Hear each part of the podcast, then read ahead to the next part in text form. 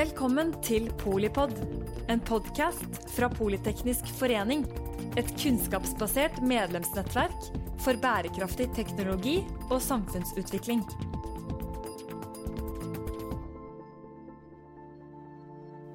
Velkommen til eh, denne Polipoden direkte inne fra Arendalsuka.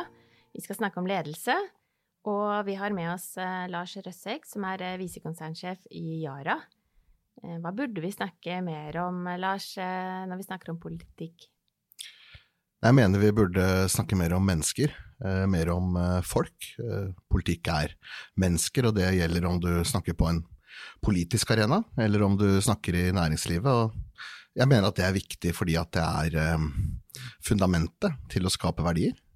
Det er det vi er helt avhengig av lykkes sammen, og da må vi også forstå hverandre og bruke energi og tid på det. Og det er ikke et sånt uh, soft issue. Uh, det er noe av det vanskeligste man kan drive med, uh, og jeg mener vi fokuserer for lite på det. Og så vet jo jeg at dere gjør jo egentlig ganske mye strukturelt og strategisk på på det som jeg oppfatter som er din liksom, ledestjerne også, med å lede alle? Ja, vi bruker mye tid på det. Og det um, altså Yara er et stort selskap. Uh, vi er over uh, 17 000 ansatte. Uh, vi er et av de største selskapene på Oslo Børs. vi har virksomhet i 60 land. Eh, vi selger til 160 land, og det betyr at vi representerer veldig mange forskjellige typer både nasjonaliteter, eh, etnisiteter, kulturer og bakgrunner. Eh, og da må vi være strukturerte rundt hvordan vi jobber med det. Fordi at det er et fantastisk avkastningspotensial i å få ut den verdien som ligger i det mangfoldet, og jobbe strukturert med det. Og det bruker vi mye tid på. Og det, hvordan gjør dere det? Fordi det, det, dette er jo stort sett folk enige om er lurt, eh, og så er det mye vanskeligere å, å faktisk gjøre noe med det. Ja, altså det, det, funker ikke så bra i Excel, eh, men du må, det, du må, gjøre det, strukturert og metodisk. Vi bruker tid på f.eks. sertifisere eh, lederne våre i mangfoldsledelse for å sikre at vi har bredere perspektiver. Vi bygger på det med interne kurs eh, og interne diskusjoner. Og så bruker vi mye tid i, eh, i eh, ledergruppen, og også i hvordan vi setter strategiske prioriteringer rundt hvordan sikrer vi en kultur hvor vi får nok bredde og nok innfallsvinkler inn før vi tar viktige beslutninger. Altså hvordan, hvordan sikrer vi at det er sånn hos oss at når vi skal diskutere noe som er vanskelig, det vi ønsker oss da i den prosessen, det er at flest mulig kommer med flest mulig forskjellige synspunkter. Da lærer vi mest, og da blir beslutningen mest informert. Noe av det jeg er mest redd for som leder, det er jo at jeg skal våkne en morgen og så komme på noe jeg tenker er smart, og så løper jeg inn på kontoret henrykt, og så sier jeg til alle at dette er vel smart, eh, og så fordi jeg er lederen Ja, nettopp, akkurat. Fordi jeg er lederen i den gruppen da, så sier alle at ja, det er kjempesmart, og så går det tre år, og så går det åt skogen, mm. og så visste sju av ti at det var en dårlig idé. Så da har jeg vært en fryktelig dårlig leder, både hvis jeg tror at det jeg våkner med om morgenen og har funnet på helt alene er kjempesmart i seg, og hvis jeg ikke klarer å få frem en trygghet i den gruppa til å få en problematisering av det. Og, og det er kanskje lett på skal du si, klassiske fagfelt, da. Uh, vi er jo uh, polyteknikere, det er tverrfaglighet. Uh, det er etter hvert blitt mye mer sånn tverrfaglig mangfold i prosjektteam, ledergrupper. Men du drar det jo en dimensjon langt utover liksom den derre fagkompetansen. Ja, jeg, jeg syns det er en For å være litt spiss, så syns jeg det er en mindre del av det. Altså, jeg, jeg, tror det handler Du må bygge en base mellom mennesker. Eh, og jeg er ikke perfekt på det, og vi er ikke perfekte på det, men vi jobber mye med det. Og da tror jeg det begynner med to begreper. Det begynner med tillit og åpenhet. Eh, og jeg tror ikke noe på at du klarer å bygge åpenhet spesielt, og du kan ikke vedta åpenhet mellom mennesker. Altså, da må du begynne med å bygge tillit. Og da må du også tørre å være sårbar, og så må du tørre å vise frem usikkerhetene dine. Jeg er usikker på masse hver eneste uke, og da må jeg overfor min gruppe, og håpe at eh, det gjør at de overfor sine igjen kan vise frem det, eh, og få frem de nyansene. Da får vi ned skuldrene litt, og så unngår vi det at når du går inn døren på kontoret, så føler jeg at nå må jeg ta på meg maska mi. Mm. Altså, Vi må ha det sånn at når du går på kontoret, så føler du at du fortsatt er deg sjæl. Mm. Det, det, er greit det at du skal fokusere da på noen ting eh, i livet ditt, men du må føle at du tar med den du er av personligheten din innen døra. Og da leverer du også bra, så det er jo ikke Det er jo veldig rett frem sammenheng mellom å, å være trygg og innovativ, for eksempel. Ja, altså det er klart det. Du skal drive med innovasjon. Vi driver jo masse med det innen eh, landbruk, ikke sant. Kjempeviktig å få produktiviteten videre i matsystemet, også med den globale krisen vi står i nå. Da må vi klare å tenke på de nye kreative løsningene, ikke være redd for å komme med noe som er, er teit eller dumt. For inni blant de ideene eh, så ligger jo gullet. Og det er det vi må, eh, det vi må få fram. Og da, da, tenker jeg at da må, du, da må, du, også tørre å gå litt lenger i å være menneske. Eh, og vise fram svakhetene dine, ikke bare de faglige ting du er usikker på, men, men også de mer menneskelige tingene. Vi har, eh, når vi har ledermøter, så begynner vi alle de med det vi kaller en check-in. Um, Uh, og det går ut på at vi går en runde rundt bordet hvor hver og en sier om de er liksom, mentalt til stede eller ikke i det møtet og er klare. Mm. Og av og til så er det noen som sier at nei, i dag så er to av tre, eller i mitt tilfelle tre av fire unger syke, mm. og det er egentlig helt kaos hjemme. Så det er det jeg tenker på. Og det er greit. Mm. Da vet vi andre at der er han i dag, og da er det det vi kan forvente av han i dag. fordi alternativet er jo ikke si det. Det betyr ikke at jeg er noe mindre fjern i det møtet, det betyr bare at de andre ikke vet det. Mm. Eh, det, det høres jo litt sånn eh, eh, norsk ut, på en måte. Og Så er dere i 60 land. Hvordan fungerer eh, den tilliten og den åpenhetskulturen? Det er jo også forskjellige definisjoner på både hva det er eh, Altså mangfold forstås forskjellig, da. Eh, har du noen eksempler på ting dere gjør internasjonalt? Ja, altså i, i, mitt team så er vi ikke bare norske. Um, og vi prøver å gjøre dette bredt, men vi må jo være Altså Skillene mellom leder og medarbeider er jo større i noen kulturer, og mm. veldig mye større i noen kulturer enn det f.eks. er i Norge. Og, og, da må du ta doser med medisin, og så må du ta det litt stegvis. Og det handler uh, igjen om å bygge den eh, tilliten og tryggheten og åpenheten. Eh, noen steder må det gjøres litt mer over tid. Og eksempler, ikke sant, du kommer til noen land, så blir du hentet på flyplassen hvis du er leder, og så skal du ha en egen bil. Veldig unorsk, eh, og noe som eh, jeg første gang reagerte ganske mye på. Eh, og så forteller det deg noe om den kulturen, ok, da må jeg angripe det derfra. Hvordan kan vi liksom på en måte nærme oss hverandre ut fra den forståelsen, som jo er godt ment, men som jo bidrar til å bygge noen skiller, da. Mm. Det er et um, Du var så vidt innom uh, at dere også sertifiserer uh, hvordan dere leder uh, mangfoldig. Eh, gjør dere det også eh, overalt, eller eh, hvordan ruller dere ut noe sånt? For det er jo Mennesker er jo det viktigste, men også kanskje det mest sånn krevende. Ja, det har vi begynt med i Norge, mm. og så ser vi på hvordan vi kan få gjort det mm. bredere. Og eh, poenget er jo ikke det å sertifisere i seg selv. Poenget er jo det å få en faktabasert og metodisk tilnærming til hva det betyr å lede et mangfold. Fordi eh, når jeg snakker om det at det er viktig å få ut det beste av uh, folk for den de er, så uh, betyr jo det at du må ha en kompetanse i hvordan å gjøre det, og hvordan du driver en inkludering av det mangfoldet. Uh, og det, det har litt å gjøre med at hvis du bare prøver å finne flest mulig forskjellige typer mennesker, setter de sammen, så blir jo det veldig fort kaos. Du er nødt til å ha en struktur i det.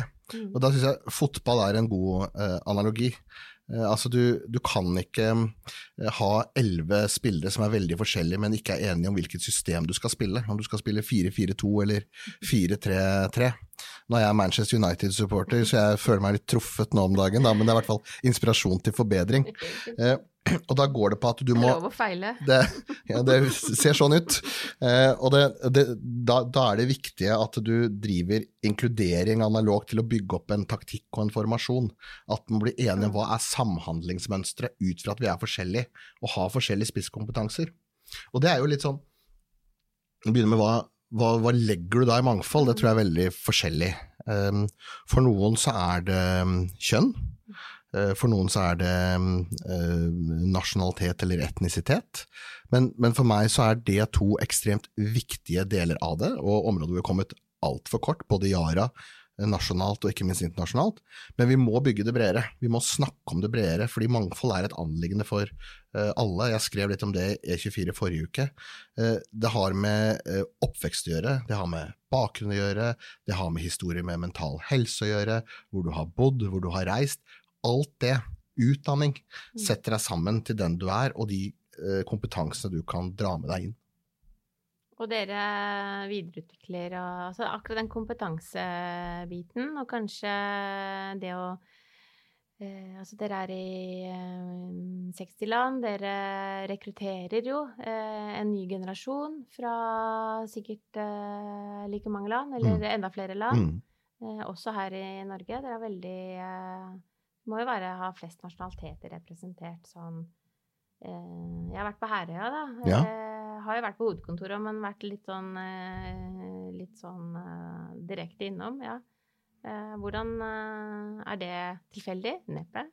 Nei, overhodet ikke. altså, når, du skal, når, du skal, selge i 160 land, så må du forstå de landene og de mm. markedene. Og vi har veldig mange nasjonaliteter også på hovedkontoret i Oslo, og prøver bevisst da også å ha en utveksling mellom de ulike kontorene. Der er vi ikke gode nok, men, men det, jobber vi, eh, det, jobber vi, med. Fordi du, du, må nettopp da forstå de ulike eh, behovene. Eh, og da Jeg er siviløkonom, jeg har gått på NHH i Bergen, og det er bøttevis av sånne som meg som har gjort det. Men det er på en måte den formelle tingen jeg har gjort med, en, med et vitnemål. Men så tar man med seg veldig mange andre sider av seg selv, og, og der tror jeg vi er, eller vet, vi er altfor dårlige. Jeg tror man generelt er altfor dårlig. Altså når du skal ansette en ny person i en avdeling, så tror jeg veldig mange av oss kan kjenne oss igjen i at vi eh, åpner Word, eh, og så finner vi forrige gang vi lyste ut den stillingen, og så oppdaterer vi litt dato, og så tuner vi litt, eh, og så legger vi ut den. Og hva får du da? Da får du more of the same. Eh, og veldig mange sånne stillingsannonser, da er det du skal være excellent, og du skal være outstanding, og du skal uh, Ja, det er ikke mye du ikke skal ha gjort når du leser sånne stillingsannonser. Og får du da de du vil ha, de som komplementerer teamet ditt? Fordi uh, igjen, da, hvis du har et fotballag, og så har du uh, jeg skulle til å si Cristiano Ronaldo, for å si det da, og Ada Hegerberg som spisser, så, så er det antagelig en keeper eller en forsvarsspiller jeg trenger. Mm. Jeg trenger ikke flere spisser, og hvis jeg hele tiden averterer etter det samme, så er det jo ikke komplementariteten jeg tiltrekker meg. Og det, det krever litt mer jobb. Ja. Uh, og det, er, det, krever litt mer jobb på forhånd, mm. og så får du igjen for det etterpå. Mm. Men jeg tror vi ofte lander litt i automatikken. Mm. Ja, det er jo Vi er også litt vanedyr, og, og, det vi kjenner, det er jo også um, ofte det mest nærliggende, da. Jeg tror mange syns altså, rekrutteringsprosess og noen som har slutta, ja, det er slitsomt. Ikke sant? De må begynne om igjen. Men, men du, du, du, må ikke tenke på det sånn. Du må tvinge deg selv over i at eh, folk som jobber hos deg, de skal videre. De skal utvikle seg. Det er en bra ting. Det at en som er flink slutter hos deg og går videre til noe spennende, det er en bra ting. Det er en positiv tilbakemelding til deg som eh, leder eh, i veldig mange tilfeller. Og da må du tenke at nå har jeg en mulighet til å sette det teamet litt på nytt og finne ut hva er det som mangler med den sammensetningen jeg har nå. Men du må orke å gjøre den jobben, og det, eh, det er litt slitsomt, da. Men du får det igjen? Du får det igjen. Eh, du får det igjen, og det er derfor du må orke å gjøre det, men da må du minne deg på det på, mm. på forhånd. Ja, og så mm, selv tenker jeg at det er det å velge noen som også er eh, Altså det begynner jo egentlig med å velge noen som er annerledes enn deg selv, da. Ja, det, det, det gjør det, men, men, det må være Først da må du, må du, anta en bred nok definisjon av annerledes. Mm. Du må bestemme deg for hva slags, hva slags annerledes trenger jeg mm. uh, i forhold til den oppgaven som skal løses. Og det må være drevet av den oppgaven. Det må ikke bare være sånn per definisjon at den personen er annerledes enn meg. Du må, liksom, du må styre det ut fra hva er det jeg skal oppnå i dette teamet nå. Og det er jo det som er så spennende med mer sånn flytende organisasjonsformer, f.eks. prosjekter. Eh, da kan du jo veldig mye oftere mm. uh, plukke sammen mennesker som du tenker at mm. dette teamet, dette vil klare å løse den oppgaven. Oppgaven er uh, spesifisert, det begynner jo der. Og det, det, er jo derfor det er strategisk. Og det er derfor det er kult å høre på at du faktisk implementerer det, da. Dere gjør noe i virkeligheten. Ja, og så, er det jo veldig ofte da så vil du få spørsmålet ja, men kan du måle hvor lønnsomt mm. det er? Og da finnes det masse forskningsrapporter som er gjort på A, B og C type mangfold, og at det er så og så lønnsomt. Men, men, men for meg så altså jeg, jeg, trenger egentlig ikke de. For meg så starter det mye før det. For meg er det helt åpenbart at jo bredere perspektiver jeg får inn i en beslutningsprosess, hvis jeg klarer å styre det på en god måte, jo bedre blir den beslutningen. Eh, og det er mulig at det ikke passer i Excel, altså, men jeg er helt sikker på at det er lønnsomt. Du starta med mennesker, ja. Ja. Og så var vi så vidt innom uh, Altså, jeg er veldig nysgjerrig. Nå har vi på en måte en uh, I Norge, da, en, en ny fokus på at folk kan ikke bare ha sykedager, de kan også ha litt deppedager. og det hører med å være menneske. men det er vanskelig å jobbe med mental helse. det krever også kompetanse, og det krever jo rutiner og, og kanskje trygghet fra lederes side. Hva gjør du som leder for å hjelpe til eh, med en, eh, en bedre mental helse for folk i din uh, organisasjon? Ja, det er vanskelig, og jeg, uh, jeg, jeg gikk jo på en kjempesmell selv. Eh, i, for 15 år siden. Og da var jeg sykemeldt i eh, seks måneder på hel eller eh, deltid. Det var mange forhold rundt det, men det, det drivende var at jeg hadde eh, kjørt meg selv fullstendig ned uh, i jobb. På tross av veldig klare og gode oppfordringer fra der jeg jobbet da om å gjøre det motsatte. Mm -hmm. og det var fordi at jeg var ung og fersk siviløkonom. Og jeg hadde kjøpt meg en veldig fin dress. Uh, og jeg skulle opp og frem her i verden, og da tenkte jeg at det var det antall timer som kom til å løse. Uh, og så gikk jeg bare rett i bakken. Uh, og det jeg, det jeg, husker best fra den perioden etterpå, det var en voldsom skamfølelse over å fortelle at jeg hadde gått i bakken. og over å fronte det i forhold til det imaget mm. jeg hadde bygd av meg selv. Mm. og da fant jeg på veldig mange uh, gode forklaringer på hvorfor jeg var sykemeldt. Det var ikke grenser for hvor jeg hadde vondt, for dette turte jeg ikke å snakke om. Men i ettertid så er vel læringen min at det jeg brukte mest energi på, det som sikkert gjorde at det tok lengre tid å komme tilbake, det var at jeg brukte så mye energi på å skamme meg, og på ikke bare face up to it. Så føler jeg at man profesjonelt i arbeidslivet har kommet litt lenger mm. i å snakke om den type ting. Det det lærte meg, var at det er en del av det å være menneske, en del av det å være arbeidstaker. Det er ikke en permanent tilstand at man går på en smell, man reiser seg opp igjen og kommer seg. Eh, og, og det å prøve å være med folk rundt deg i de ulike fasene av livet. Eh, det kan være at du går på en smell, det kan være et samlivsbrudd, det kan være trøbbel med ungene. Det tror jeg er ekstremt viktig for å eh, både få folk til å yte sitt beste, og rett og slett eh, levere på de forventningene som folk har til en arbeidsplass i dag. Altså at det er et, eh, et sted å være med hele seg. Mm. Og da kommer det litt tilbake til det med at du ikke tar på deg en maske når du går inn døra. Da, da må man se det også. Jeg, jeg, prøver, det er ikke lett, og jeg bommer ofte, men treffer av og til òg. Og prøve å åpne for de samtalene når vi snakker sammen om ting. Altså bare det lille eksempelet du hadde med at uh, ta en runde og høre om alle er til stede uh, mentalt også. Det mm. er jo uh, Da magasinerer jo ikke ting seg opp, i hvert fall. Nei, hvis folk sier det ja, de det. tenker. Mm. Og det, det, sånt kommer jo over tid. Mm. Den første runden med det var kortere enn ja. den siste. og sånn vil det forhåpentligvis fortsette å være. Men, men jeg tror det der med, med mental helse ja, jeg opplever at det har normalisert seg mer eh, enn en sånn det var da jeg begynte å jobbe for 15-20 år siden. Men jeg syns vi har veldig langt igjen, og jeg, jeg, jeg syns fortsatt vi gjør det til noe litt, litt mystisk. Eh, det er ikke så veldig mye annerledes enn det å ha brukket et eh, bein. Eh, det trenger litt tid på å bli eh, i orden igjen, og så trenger du litt eh, hjelp rundt det. Og en av de viktigste tingene som jeg husker veldig godt fra da jeg kom tilbake, var at jeg rett før jeg var tilbake fra den sykemeldingen, så ble jeg tilbudt en uh, forfremmelse der jeg jobbet. Og da ble jeg jo litt sånn tørre det av. Og da ble jeg bare møtt med at selvfølgelig tør vi det. Ja. Og det var et eksempel da for meg. Du. Da turte jeg. Og, og, og, det er kanskje det andre som jeg tror er litt viktig i det, det er at du passe på at du ikke blir jobben din, mm. eller blir stillingstittelen din. Hvis du går rundt og føler deg veldig sånn eh, direktør på fritida, så tror jeg det gjør noe med liksom din, hele din innstilling til det med det å jobbe, det å være hjemme, hvor du finner identiteten din. Uh, og jeg tror det er veldig lite klokt å, å, å, knytte identiteten sin veldig tett til en tittel. Jeg tror også det gjør noe med uh, hvor, uh, hvor, kjølig og kald du klarer å være i å utføre ting, og at du blir litt, litt redd uh, for å gjøre feil, hvis det på en måte du føler at det er hele deg.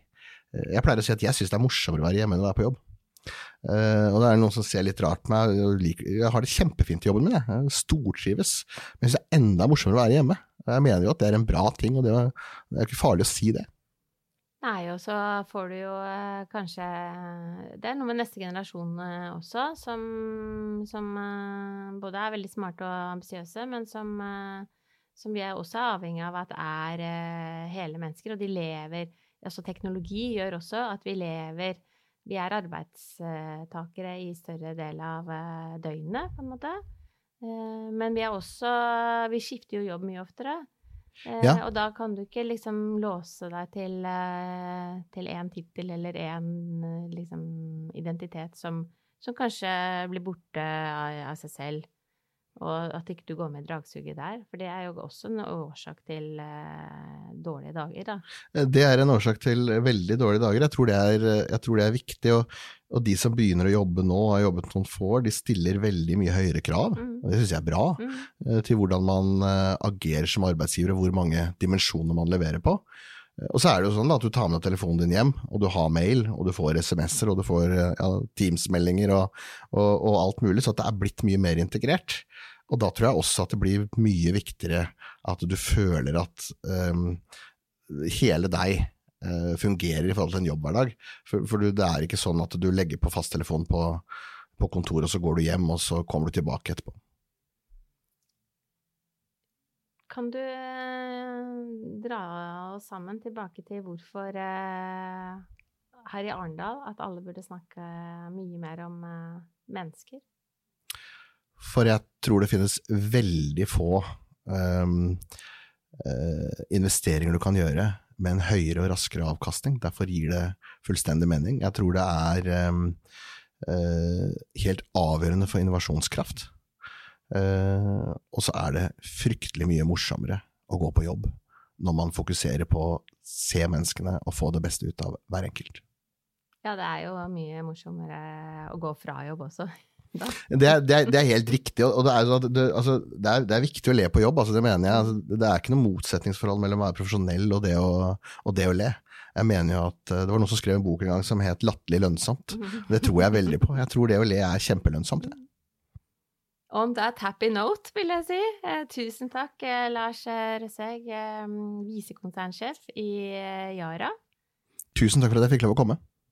Tusen takk til deg som hører på Polipod når og hvor det passer deg.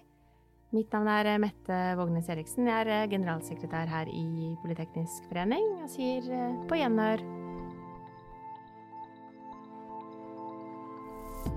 Takk for at du lyttet til Polipod fra Politeknisk forening. Få med deg flere episoder, eller bli med på nettverksmøtene som du finner på at polyteknisk.